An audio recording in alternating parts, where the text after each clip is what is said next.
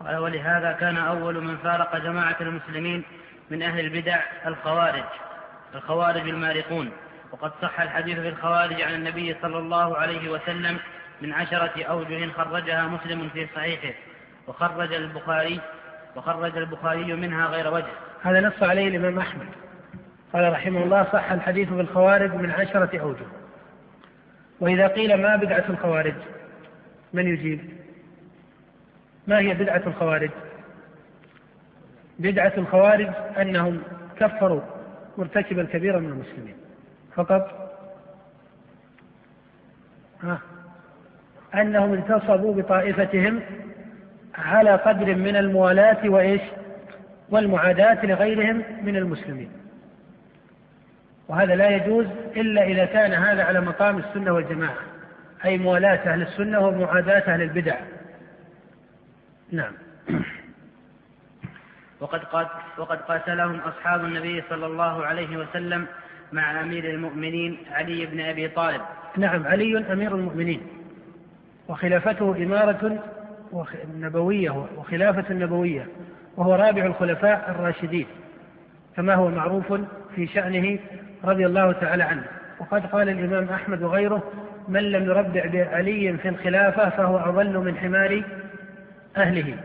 فقيل له إن فقال له بعض العراقيين قد كان لا يربع به من لا يقال إنه أضل من حمار أهله. من يقصدون؟ يقصدون من قاتله من الصحابة كمعاوية فما كانوا يرون خلافته. قال الإمام أحمد أنا لست من حربهم في شيء وهذا من فقه الإمام أحمد. قال أنا لست من حربهم في شيء بمعنى أن النبي صلى الله عليه وسلم وكان الإمام أحمد يحتج بهذا الحديث كثيرا. قال في ما رواه سفينة أن النبي صلى الله عليه وسلم قال الخلافة بعد إيش؟ ثلاثون سنة. فبهذا الحديث علم أن زمن علي بن أبي طالب كان خلافة راشدة نبوية. وأما من اجتهد كمعاوية فلم يحقق هذا المعنى وهو العلم بخلافة علي بن أبي طالب فهل مخالفة واحد من الأعيان حتى ولو كان عالما مجتهدا هل يرفع القضاء أو الحكم الشرعي؟ الجواب؟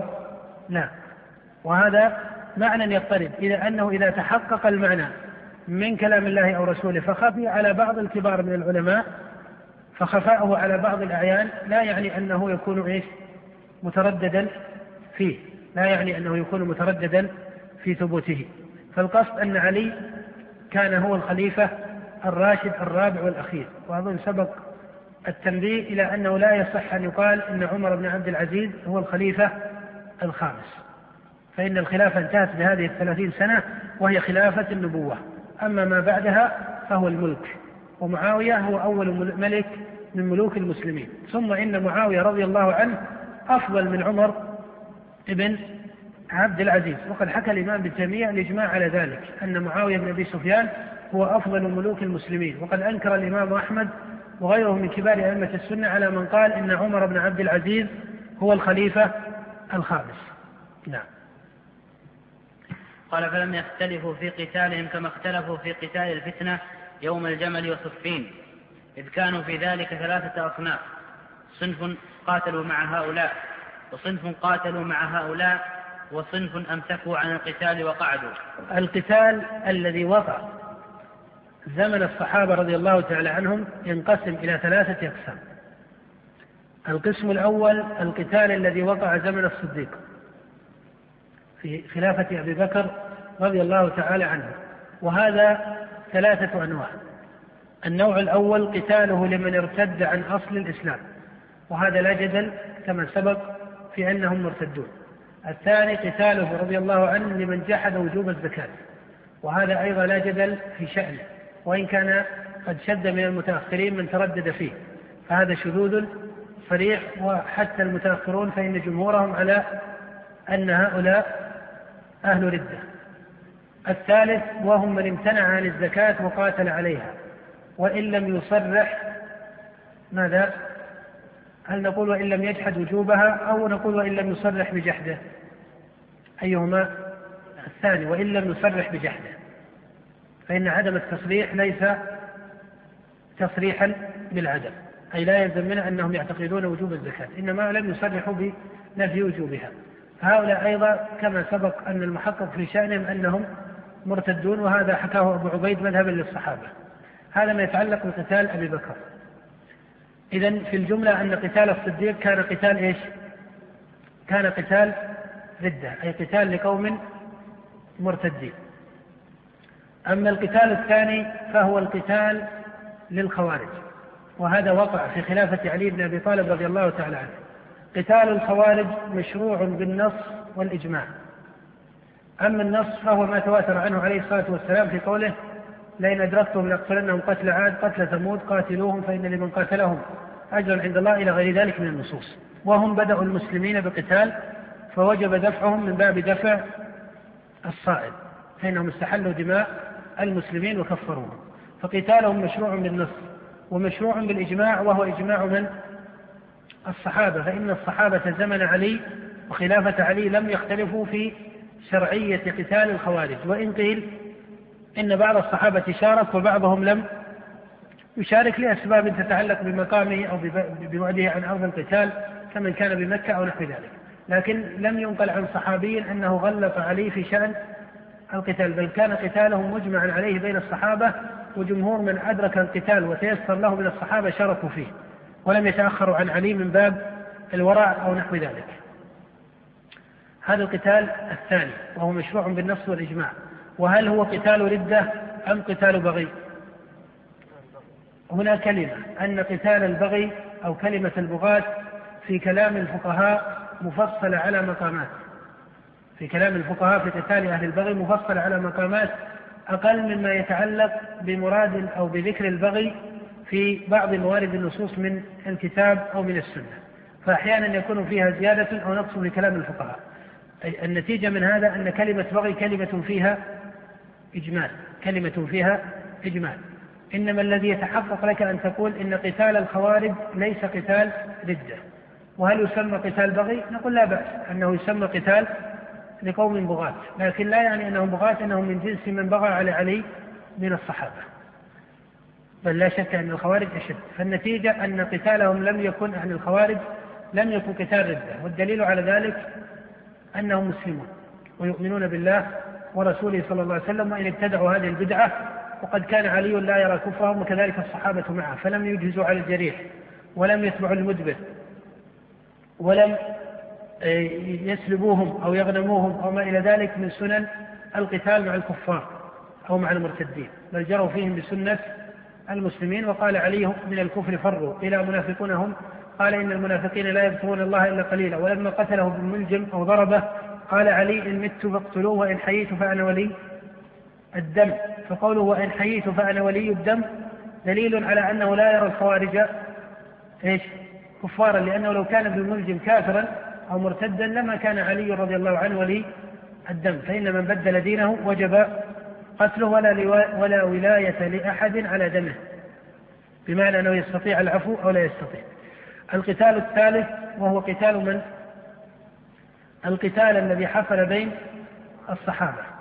وأخصه قتال الجمل وصفين وأخص النوعين أو الاثنين قتال صفين.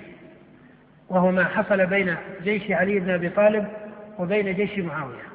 هذا القتال هل هو آه، من القتال المشروع أو ليس من القتال المشروع؟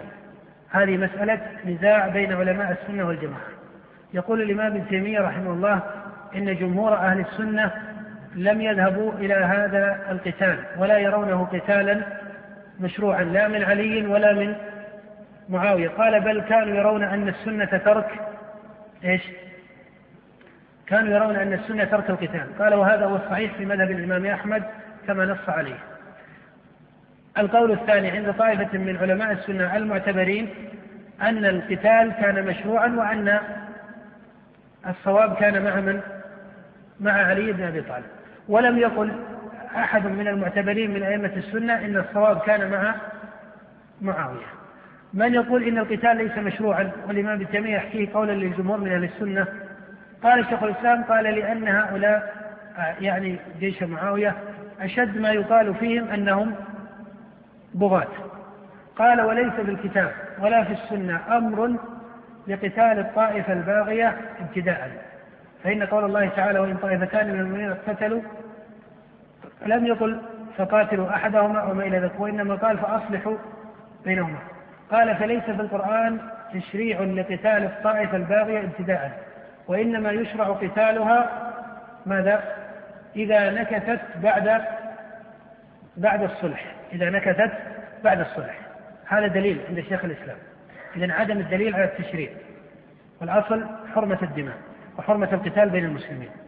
هذا استدلال. الاستدلال الثاني عنده وهو ما أخص دليلان لشيخ الإسلام في استدلاله لقول الجمهور وهو ينتصر له بقوة أن الصواب لم يكن هو القتال بل تركه قال الدليل الثاني أن النبي قال كما في صحيح البخاري عن الحسن بن علي إن ابني هذا سيء وسيصلح الله به بين فئتين عظيمتين من المسلمين وكان هذا هو الصلح بين علي ومعاوية أو عفوا بين الحسن ومعاوية. ما وجه الاستدلال؟ يقول ابن تيمية إن الله امتن على المؤمنين برفع هذا القتال بالحسن بن علي. ولو كان هذا القتال مشروعا إيش؟ لما كان من منة الله الرفع له بالحسن بن علي. فإن المنة برفع شيء إنما تكون برفع شيء إيش؟ محبوب لله أو مكروه بشيء مكروه عنده سبحانه وتعالى. هذا هو استدلال ابن تيمية. هذان الدليلان دليلان قويان لكن ينبغي أن يقال إنهما ليس دليلين لازمين. ما المأخذ في الدليل الأول؟ المأخذ في الدليل الأول أن قتال الطائفة الباغية لا يشرع إلا إيش؟ إلا بعد نكس الصلح. بمعنى أن ثمة واجبا أولا وهو الصلح. فإن بغت بعد الصلح شرع قتالها. هنا سؤال. فإذا تعذر صلح الطائفة الباغية وأبت الصلح ماذا يعمل معها؟ إذا الآية هل تكلمت عن هذا المعنى؟ إذا تعذر صلح الطائفة ما ذكر هذا في الآية.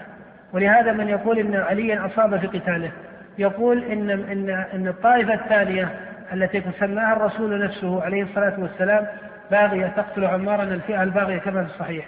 يقولون هذه الطائفة أبت الصلح مع علي. فعلي عجز عن الصلح والصلح واجب.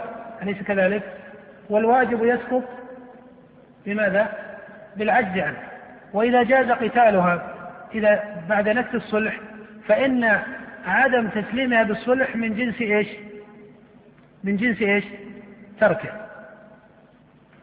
ولهذا إذا عرض عليها الصلح وألزمت فأبت الصلح فإن هذا الواجب يكون إيش؟ ساقطا. هذه هذا كما أسلفت أنه تنبيه لا أقصد به وذكر الترجيع على قول خلاف قول شيخ الإسلام إنما هو نوع من التنبيه إلى أن الاستدلال الذي ذكره رحمه الله ليس بالضرورة أنه استدلال ماذا؟ ملزم. ومن هنا اختلف السلف في هذه المسألة. أيضا استدلاله بحديث الحسن في البخاري. إن ابني هذا السيد. نقول نعم ولكن متى رفع القتال؟ بعد مقتل علي أو في أثناء وجود علي؟ متى؟ بعد مقتل علي. وشأن الحسن ليس كشأن. يعني إذا قيل القتال كان مشروعا من علي بن أبي طالب فهل مقام علي كمقام الحسن؟ لا. فإنه لا أحد يقول إن من خلف علي بن أبي طالب الحسن ابنه أو غير ذلك أنه يكون بمنزلته في تشريع القتال فإن علي له مقام لا يصل إليه الحسن فضلا عن غيره من قادة علي. فإذا هذا إنما كان بعد قتل علي فلا حجة فيه من جهة اللزوم وإن كانت الحجة في المقامين حجة محتملة. الشاهد من ذلك أن هذا هو محل الخلاف بين أهل السنة هو شيخ الإسلام ينزع إلى وكلا القولين فيه قوة. كلا القولين فيه قوة. الجمهور من الصحابة؟ هل شاركوا في القتال أو لم يشاركوا؟ ابن سيرين وابن تيمية يقول إن هذا من أصح الأسانيد على وجه الأرض لابن سيرين كما في منهاج السنة وغيره ابن سيرين يقول لم يشارك يوم الجمع يوم صفين إلا بضعا وثلاثين صحابيا يعني عدة من كان من الصحابة في عسكر علي وعسكر معاوية لم يصلوا إلى أربعين رجلا. لم يصلوا إلى أربعين رجلا. بل كان هذا السواد من الجيش من جيش الشام وجيش وعلي وجيش علي. كان السواد من مسلمة ماذا؟ من مسلمة الفتوح العمرية من أهل العراق وأهل الشام وما إلى ذلك. وأما الصحابة فابن سيرين يقول إنه لم يشارك في عسكر علي وعسكر معاوية إلا بضعا وثلاثين صحابيا. وهذا يدلك على أن جمهور الصحابة إذا انضبط هذا التقرير من ابن سيرين هو صحيح إليه. لكن الشان في انضباطه إذا انضبط هذا دليلا على أن الصحابة ما كانوا يرون القتال. ثم إن أفضل الناس بعد علي في ذلك الزمان وهو سعد بن أبي وقاص كان معتزلا للقتال. الحق أن هذه المسألة هل الصواب كان مع علي أم في ترك القتال؟ فيما يرى أنه ليس الشريف في الفقه الجزم بأحد القولين. فإن هذا اجتهاد لقوم وهذا اجتهاد لقوم. وإنما الشريف فقهه في هذا الذي وقع بين الصحابة. ما تراه من حكمة الصحابة رضي الله تعالى عنهم في مسائل الفتن. فإن سعد بن أبي وقاص رضي الله تعالى عنه مع إمامته في العلم ومع سابقته في الإسلام ومع قدرته إن صح التعبير القدرة القيادية العسكرية. يعني سعد بن أبي وقاص قد اجتمعت له إيش؟ موجبات الخلافة والإمامة حتى إن عمر جعله بالستة كما تعلم. ومع ذلك ماذا فعل سعد؟ اعتزل ولم يعتزل قريبا بل اعتزل في إبله. وكان يتحرج أن يرى سوادا قادما إليه. حتى لما قدم ابنه إليه وهو راكب على بعير ماذا قال سعد؟ وهذا في الصحيح قال أعوذ بالله من شر هذا الراكب. ما كان يحب أن يأتيه أحد. مع أن الناس إيش؟ يتنازعون الخلافة والدماء تسيل إلى آخره. ولكن مسألة الفقه. عند الصحابة رضي الله تعالى عنهم ومع ذلك هذا الاعتزال الشديد لم يشنع سعد رضي الله عنه على من خاض الغمار كعلي بن أبي طالب ولم يشنع علي بن أبي طالب على من؟ على من؟ على سعد بل قد كان يقول نعم المقام مقام قامه سعد إن كان ترك برا إن أمره ليسير يعني إن كان القتال مشروعا فقد فاتته فضيلة أو نافلة يسيرة وإن كان القتال ليس مشروعا فقد حصل امتناعا أو قال فقد وإن كان وزرا أي القتال فقد برئ من كثير أو ما إلى ذلك من كلام علي. إذا في زمن الفتن أو زمن النوازل لا تستغرب وجود إيش؟ ماذا؟ الاختلاف. وإنما قلة الفقه وقلة العلم الطعن على المخالف باجتهاد سائر وأنت ترى الصحابة ولا بأس من هذا الاستطراد بأهميته. أنت ترى الصحابة في بدر في أول قتال للمسلمين. لما أسروا الأسرى. ماذا قال النبي صلى الله عليه وسلم؟ أتى بأخف رجلين في الإسلام. إمامة وعلما وتقوى إلى آخره. وهما الشيخان أبو بكر وعمر. فقال ما ترون في شأن هؤلاء الأسارى. القصد هنا أن الصحابة عندهم مبدأ الوضوح وهذا هو الذي يجب أن يربى المسلمون عليه. الوضوح في كل شيء حتى الأطفال يجب أن يربوا على الوضوح. أما مسألة المجاملات والتحزبات والالتفاتات الغير مدروسة ثم الإنسان بالأخير بعد كذا سنة يقول لا تبين لنا أن الطريقة السابقة غير شرعية وغير دقيقة والرجوع إلى الحق خير من التمادي في الباطل. طيب وينك في السنوات الماضية؟ يعني لو كان إن صح التعبير عنصر الوضوح بينا لما عانت الأمة مثل هذه التكدسات في المواقف التي تتعب الجماهير وتتعب الأمة ثم بعد ذلك يتراجعون عنها وما إلى ذلك. ماذا قال أبو بكر قال يا رسول الله أرى أن تأخذ منهم فدية فتكون لنا قوة على الكفار. فعسى الله أن يهديهم للإسلام فهم بنو العم والعشيرة انظر هذا كلام أبي بكر. يقول بنو العم والعشيرة مع أن القوم جاءوا يقاتلون المسلمين وطردوا النبي من مكة إلى آخره ومع ذلك إلى الآن أبو بكر يقول بنو العم والعشيرة ويقول أرى أن تأخذ منهم وعسى الله أن يهديهم للإسلام. قال عمر قال النبي لعمر ما ترى يا ابن الخطاب؟ انظر عمر ما نظر إلى معطيات أبي بكر ومنطقيات اجتهاد أبي بكر وهذا يدلك على أن منطقيات الاجتهاد أو مناطات الاجتهاد بالتعبير الأصولي مناطات الاجتهاد قد تختلف قد تنتقل من مرحلة إلى مرحلة بعيدة ويصير هذا المناط ممكنا والمناط البعيد عنه أيضا إيش؟ ممكنا. قال عمر كلا يا رسول الله أرى أن تمكنني من فلان نسيب لعمر فأضرب عنقه. وتمكن عليا من العباس فيضرب عنقه مع أن مع أن عمر يرى الرسول تكدر لما رأى شأن العباس وأمر بقميص حتى ما وجد إلا قميص بن أبي فأمر به إلى آخره. قال وتمكن عليا من من عباس فيضرب عنقه فإن هؤلاء أئمة الكفر وصناديدها ما في بنو عم عشيرة. ومع ذلك هذا الاجتهاد له مناط بعيد عن مناط أبي بكر ومع ذلك لم ينكر النبي عليه الصلاة والسلام على واحد من المجتهدين وإنما قال عمر فهوى رسول الله ما قال أبو بكر ولم يهوى ما قلت. إلى أن نزل القرآن هذا نزول القرآن مسألة أخرى الآن ما ينزل القرآن. قد يقول قائل أن القرآن نزل نقول نعم القرآن كان ينزل لكن الآن الاجتهاد سيظل اجتهادا لأنه لا يمكن أن ينزل نص يحسم أحد الاجتهادين. وهذا يدلك على أن الاجتهاد قد يتباين إيش؟ أو يتباعد إن صح التعبير يتباعد ماذا؟ مناطه. فإن مناط أبي بكر مناطا شرعيا ممكنة. لما قال هم بنو العم والعشيرة عسى الله أن يهديهم للإسلام أرى أن تأخذ منهم فدية. تكون لنا قوة على الكفار هذه مناطات شرعية أو غير شرعية؟ مناطات شرعية ممكنة. عمر أيضا لما قال تمكنني من فلان هؤلاء أئمة الكفر أيضا مناطاته مناطات شرعية. قد يقول قائل إن القرآن غلط نقول هذا القرآن كان ينزل أما الآن ما ينزل القرآن. هذه جهة. الجهة الثانية أنه حتى نزول القرآن هل غلط مناط الاجتهاد عند أبي بكر أو عند عمر؟ لا الآية التي نزلت ما هي؟ تبدو ترى ما في حتى القرآن لما نزل ما غلق المناط عند أبي بكر أو عند عمر. إنما الذي نزل القرآن به ماذا؟ حكمة غيبية لا يمكن أن يصل إليها الاجتهاد. لا يمكن أن يصل إليها العقل البشري يعني هي قضاء رباني محض وهي قوله تعالى ما كان لنبي أن يكون له أسرى حتى يدخن هل هذا من مقامات الاجتهاد أو هذا من القضاءات التسليمية الربانية؟ هذا من القضاءات التسليمية الربانية وإن كانت حكمته واضحة أن هذا هو التمكين والقوة ولا شك. نعم. قال رحمه الله تعالى وصنف أمسكوا عن القتال وقعدوا وجاءت النصوص بترجيح هذا الحال. نعم وهذا مذهب سعد بن أبي وقاص محمد بن مسلمة آه، أسامة بن زيد ومع أن أسامة بن زيد آه، له فقه أيضا مختص من الفاضل ينبه إليه. كان موافقا لعلي بن أبي طالب ومنتصرا له لكن لما رأى أن عليا وصل إلى السيف توقف واضطرد معه.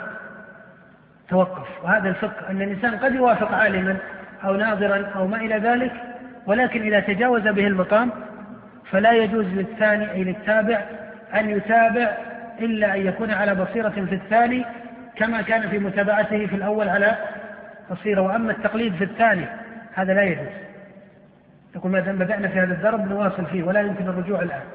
هذا ليس بصحيح. ماذا قال أسامة؟ كتب لعلي بن أبي طالب يا أبا الحسن لو كنت في شدق الأسد لأحببت أن أكون معك فيه. وهذا واضح في الموالاة لعلي. قال ولكن هذا أمر لم أره هذا أمر ما هو الأمر؟ السيف.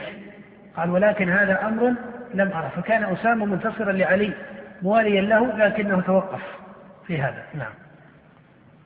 قال فالخوارج لما فارقوا جماعة المسلمين وكفروهم واستحلوا قتالهم جاءت السنة بما جاء فيهم. نعم. لاحظ تقرير الإمام. قال لما كفروا وقاتلوا واستحلوا جاءت السنة بالأمر بقتالهم فإذا إنما شرع قتالهم ليس لمحض قولهم بل لقولهم الذي تضمن فعلا وهو القتال والاستحلال لرقاب المسلمين ودمائهم. نعم. كقول النبي صلى الله عليه وأنت تعلم أن القتال والقتل لا يستلزم الكفر فإن الإنسان قد يكون كافرا بالإجماع ومع ذلك يحرم قتله ويحرم إيش؟ ماذا؟ قتاله. طائفة كافرة بالإجماع ويحرم قتالها من أو من مثالها من دفع الجزية من أهل الكتاب أو حتى من غير أهل الكتاب على الصحيح. هذه طائفة كافرة لكن يحرم قتالها. المعاهد المعين أو الرسول رسول المشركين الذي يأتي برسالتهم وبرأيهم وما إلى ذلك. وما إلى ذلك من الصور المعروفة. هذا كافر ومع ذلك يحرم قتله. المعاهد والمستأمن إلى آخره. إذا تبين أن الكفر لا يستلزم القتل أو المقاتلة. العكس. مسلم بالإجماع ومع ذلك وجب قتاله. كالطائفة الممتنعة من جنس الخوارج الصائلة على دماء المسلمين فإن الصحابة أجمعوا على قتالها مع حكمهم بإسلامهم. وكذلك معين من المسلمين يجب قتله. مثل من؟ مثل من قتل عمدا فطلب أولياء الدم القتل فإن قتله يكون واجب مع إسلامه إلى آخره. فليس تلازم بين القتل والمقاتل وبين الكفر. نعم. كقول النبي صلى الله عليه وسلم يحقر أحدكم صلاته مع صلاتهم وصيامه مع صيامهم وقراءته مع قراءتهم. يقرؤون القرآن لا يجاوز حناجرهم يمرقون من الإسلام كما يمرق السهم من الرمية. أينما لقيتموهم فاقتلوهم فإن في قتلهم أجرا عند الله لمن قتلهم يوم القيامة. نعم لأن هذا من باب عصم المسلمين من شرهم وفتنتهم. والنبي ذكر فيهم مقامات وهي قوله يحقر أحدكم صلاته مع صلاتهم وصيامه مع صيامهم وقراءته مع قراءتهم. فكانوا مظهرين للنسك والعبادة وكانوا عبادا زهادا لكنهم لم يكونوا على السنة. وبهذا تعلم الأصل المضطرد عند المسلمين وفي كتاب الله وفي سنة نبيه أنه لا بد من الجمع بين مقام العلم والعمل. لا بد من اتباع السنة مع الإخلاص لله سبحانه وتعالى في العمل. فليس الإخلاص وحده يكون كافيا. نعم. قال ولهذا هل يهدى الإنسان بمجرد إخلاصه أو غيرته؟ الجواب لا يلزم ذلك. بل ما ذكره الله في كتابه هما شرطان. قال الله تعالى والذين جاهدوا فينا لنهدينهم سبلا الشرط الأول قوله جاهدوا أي بذلوا المجاهدة وهي بذل الوسع. قال فينا وهذا هو مقام الإخلاص. لنهدينهم هذا هو ثبوت الهداية. فإذا من جمع المقامين لا بد أن يكون مهديا. لا بد أن يكون مهديا. ومن قصر في أحد المقامين فهذا عرضة للغلط والشر والفتنة. وهذا معنى إنه كان ظلوما جهولا. نعم. قال وقد كان أولهم خرج على عهد رسول الله صلى الله عليه وسلم. فلما رأى قسمة النبي صلى الله عليه وسلم قال يا محمد اعدل فإنك لم تعدل. فقال له النبي صلى الله عليه وسلم لقد خبت وخسرت إن لم أعدل. هذا الرجل قام بين يدي النبي صلى الله عليه وسلم ووصفه أبو سعيد وغيره قال فقام رجل غائر العينين مشرف الوجنتين ناشز الجبهة كف اللحية محلوق الرأس مشمر الإزار. فقال اعدل يا محمد فإنك لم تعدل. فقام خالد بن الوليد أو قال النبي صلى الله عليه وسلم ويلك ومن لم ومن يعدل إذا لم أعدل. وفي لفظ أولست أحق أهل الأرض بأن يتقي الله؟ ألا تأمنوني وأنا أمين من في السماء؟ قام خالد بن الوليد وفي رواية في الصحيح عمر بن الخطاب ولا يمنع أن هذا وهذا قام. المقصود أنه قال يا رسول الله دعني أضرب عنقه. قال لعله أن يكون يصلي. قال وكم من مصل يقول بلسانه ما ليس في قلبه. قال إني لم أمر أن أنقب عن قلوب الناس ولا أن أشق بطونهم. ثم نظر إليه النبي وقد ولى فقال إنه يخرج من بغض هذا قوم إلى آخره. تحقرون صلاتكم مع صلاتهم إلى آخره. فهذا الرجل كان من الغالين وكان من الجافين وكان ممن يطعن على السنة وأهلها وطعن على الرسول عليه الصلاة والسلام. وهذا تلتزم الخوارج من بعده. وهذا تلتزم الخوارج من بعده. نعم.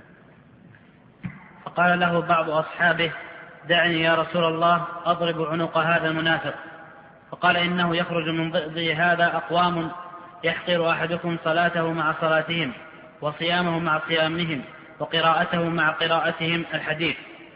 فكان مبدأ البدع هو الطعن في السنة بالظن والهوى كما طعن إبليس في أمر ربه برأيه وهواه. قال وأما تعيين الفرق الهالكة فأقدم من بلغنا أنه تكلم في تضليلهم يوسف بن أسباط ثم عبد الله بن المبارك وهما إمامان جليلان من أجلاء أئمة المسلمين. قالا أصول البدع أربعة الروافض والخوارج والقدرية والمرجئة. فقيل لابن المبارك والجهمية فأجاب بأن أولئك ليسوا من أمة محمد. وكان يقول إنا لنحكي كلام اليهود والنصارى ولا نستطيع أن نحكي كلام الجهمية. نعم هذا القول. من المصنف رحمه الله وأما تعيين الفرق أراد بذلك التعيين لأصولها. أراد بذلك التعيين لأصولها. وإلا فسبق في كلامه في هذا الكتاب وفي هذه الرسالة وفي غيرها أنه لم يذهب أحد من السلف إلى تعيين الفرق المخالفة للسلف وهو الثنتان والسبعين. أو السبعون لم يذهب أحد من السلف إلى التعيين لها بالأعيان بل هذا التعيين لا شك أنه غلط. إنما الذي عينه بعض أئمة السلف هو إيش؟ أصول أهل البدع. هذه هذه مسألة. المسألة الثانية في هذا الكلام أو في هذا التقرير من كلامه أنه ذكر عن ابن المبارك أن أصول البدع أربعة. فقيل له والجهمية قال أولئك ليسوا من أمة محمد وقال إنا لنحكي كلام اليهود والنصارى ونحكي كلام الجهمية أحيانا يقال في بعض البحوث المعاصرة إن بين السلف خلافا في تكفير الجهمية فطائفة كابن المبارك يكفرونهم ويرونهم ليسوا من أهل القبلة ويرون أنهم أكثر من اليهود والنصارى ويحتجون بمثل هذه الجمل المقولة في كتب السنة المسندة كما ترى في السنة لعبد الله بن أحمد وغيره عن ابن المبارك وأمثاله من السلف. ويجعلون قولا آخر لطائفة من السلف الذين لم يبادروا إلى التصريح بالتكفير أو حصل منهم مقام من مقامات التردد المعينة فيجعلون هذا مذهبا مضطردا لهم. هذا يرجع إلى فقه مراد السلف بأحرفهم. الجهمية تواتر عن عن كثير من السلف التصريح بكفرهم. حتى قال ابن القيم ولقد تقلد كفرهم خمسون في عشر من العلماء في البلدان إلى آخر. واللعلكائي نقل هذا اللعلكائي لا يهم كثيرا هذا. إنما الذي يهم أن كلمة التجاهم عند السلف ما المراد بها؟ التجاهم عندهم هو النفي أو عدم الإثبات على التحقيق لصفات الله. فصاروا يسمون كل من قصر في هذا التحقيق للإثبات على طريقتهم على قدر من التأويل أو التعطيل يسمونه إيش؟ جهميا. هذا هو التجهم العام. وفيه يدخل المعتزلة وغير المعتزلة ممن ينفي الصفات ولهذا سموا من عارض الإمام أحمد والأئمة زمن المأمون العباسي سموه ماذا؟ قالوا فتنة الإمام أحمد مع من؟ مع الجهمية مع أن أساطين المناظرة ذاك كانوا معتزلة إذا التجاهم العام عند السلف يراد به عدم التحقيق للإثبات ولو كان قائله ليس جهميا بمعنى أنه ينتسب لجهم بن صفوان فأنت ترى أن السلف سموا المعتزلة جهمية مع أن الجهمية ماذا يرون الجهم؟ ما موقف المعتزلة عفوا ما موقف المعتزلة من الجهم بن صفوان الذي ينسب التجاهم أو الجهمية إليه؟ المعتزلة يكفرون الجهم بن صفوان وهذا نص عليه كبار أئمة المعتزلة ومن نص عليه القاضي عبد القاضي عبد الجبار بن أحمد الهمداني في كتاب المغني وغيره أن المعتزلة تذهب إلى تكفير هذا الرجل قال وإنما ألحق أصحابنا به من تقرير العامة فصار عندهم كل من يقول القرآن مخلوق إيش؟ جهميا ويقصد بالعامة أهل السنة. القصد أن المعتزلة تكفر الجهم والجهم تختلف أصوله عن المعتزلة، الجهم مرجع في الإيمان والمعتزلة على إيش؟ على النقيض، الجهم جبري في القدر والمعتزلة على النقيض، المعتزلة يرون استقلالية العبد والجهم يراه مجبورا إلى آخره فثمة أصول متناقضة بين الجهم وبين حتى في الصفات والأسماء. بين الجهم والمعتزلة إشتراك كلي. وإلا فالجهم رجل غالي. في باب الأسماء والصفات. ينفي الأسماء والصفات؟ ونظريته نظرية مفرطة في الغلو. حتى أن ابن تيمية يقول إن مقتصدة الفلاسفة كأبي الوليد بن رشد في كلامهم أو كلامهم في الصفات خير من كلام جهم بن صفوان. يقول مقتصدة الفلاسفة كأبي الوليد بن رشد أقرب أو خير من كلام جهم بن صفوان في هذا الباب. بخلاف كلام المعتزلة فإنه في الجملة خير من كلام أبي الوليد بن رشد. فإذا حتى في باب الصفات هناك فرق. لكن كان مقصود السلف ليس التعيين لهذه الفروقات لأن التعيين لهذه الفروقات ليس من شريف العلم عندهم. الفرق بين فلان وفلان من أهل البدع. إنما الذي كان يعنيهم أن هذا المعنى مفارق لإيش؟ لإجماع السلف أنه معنى في الجملة مبني على مفهوم واحد وهذا صحيح أن مبناه وكليته واحدة ومن هنا سموا كل تعطيل تجهما ونسبوا صاحبه للجهمية. فإذا هذا هو التجهم العام هو التعطيل للصفات أو لما هو منها. أما الذي أراد ابن المبارك فأراد الطائفة الغالية التي ظهر من حالها من الجهمية ماذا؟ المعارضة الصريحة لكلام الله ورسوله. وأنت إذا قلت إن أهل البدع فيهم الظالم لنفسه وفيهم من هو على قدر من الغلط ولم يقصد الكفر وإن كان قوله كفريا. هل يلزم من ذلك؟ أو حين نقول بعبارة أصح حين نقول ليس كل من نفى الصفات يكون كافرا بعينه. هل يلزم على هذا أنه يمتنع أن يوجد فيهم كافر بعينه؟ أو يوجد فيهم زنادقة؟ كلا وسيأتي بكلام شيخ الإسلام هذا أن جمهور أهل البدع ليسوا كفارا. لكن قال إن بعض طوائفهم المغلظة كالجهمية ماذا؟ يقع فيهم أي في الجهمية من هو على قدر من الزندقة والكفر. فإذا مراد ابن المبارك الغلاة ممن التزم هذا المذهب. فهؤلاء هم الذين يقال فيهم عند ابن المبارك وعند غيره من السلف إنهم كفار. هم الغلاة الذين ظهر تعصبهم وعنادهم وتكبرهم وكفرهم إلى آخره. وأما الجمهور ممن يعطل في الصفات فهؤلاء أهل بدعة وأقوالهم كفرية لكنهم لا يكفرون. وليسوا آه، خارجين عن أهل القبلة. فضلا عن يقال إنهم أكثر من اليهود والنصارى. وهذه كلمة أحب أن أعلق عليها. بدأ يكثر منها البعض من الشباب وأحيانا من طلبة العلم. إذا اشتد في الرد على طائفة بدعية قال وهذه الطائفة أكثر من اليهود والنصارى. هذا فوضى هذه في الغالب ترى. ابن تيمية استعمل هذا في كلمات معينة. مثلا لما تكلم عن وحدة الوجود قال إن قول أهل وحدة الوجود أن الوجود واحد وليس ثمة امتياز بين وجود العبد وبين وجود الرب. قال إن هذا القول الكفري أكثر من إيش؟ من قول اليهود والنصارى. هذه هذه قضية واضحة شرعية لا جدل حولها. أما أنها تجمع طوائف بغلاتها ومتوسطيها ومقتصديها فيقال الطائفة الفلانية أكثر من اليهود والنصارى على الإطلاق. هذه إطلاقات ما كان السلف ينطقون بها. هذه إطلاقات ما كان السلف ينطقون بها. بل اليهود والنصارى ماذا بقي لهم من الخير وهم يقولون كما قال الله عنهم وقالت اليهود عزير من الله وقالت النصارى المسيح ابن الله وهم يتلون الكتاب. فهم هؤلاء معاندون مكذبون وقالوا إن الله فقير. اليهود تقول إن الله فقير ونحن أغنياء. وقالت اليهود يد الله مغلولة وتأتي إلى طائفه من أهل البدع ما تستطيع أن تحقق إجماع السلف على تكفيره وتقول هم أكثر من اليهود والنصارى. هذا ترى أحيانا فيه قدر من من الزيادة. هذا في الغالب فيه قدر من الزيادة ودائما الأمور توزن بميزان الحق. الطائفة تبدع ويبين خروجه عن السنة إلى آخره تذم بما ذمه السلف. أما الحروف المفردة فما تلزم. ونبدأ أحيانا أنه ترى بعض المتأخرين من فضلاء أهل السنة القاصدين إلى تعظيم السنة والجماعة لكن عندهم بعض الزيادة. أحيانا كما أشرفت الهروي. أو حتى غير الهروي أحيانا بعض الحنابلة خاصة. لأن الحنابلة هذا ليس عيبا لهم. أنا قلت سابقا أن الحنابلة أشرف الطوائف الأربع في السلامة من البدع. لكن لما صاحب بعض أئمتهم من قصد التحقيق حصل عندهم إيش؟ قدر من الزيادة.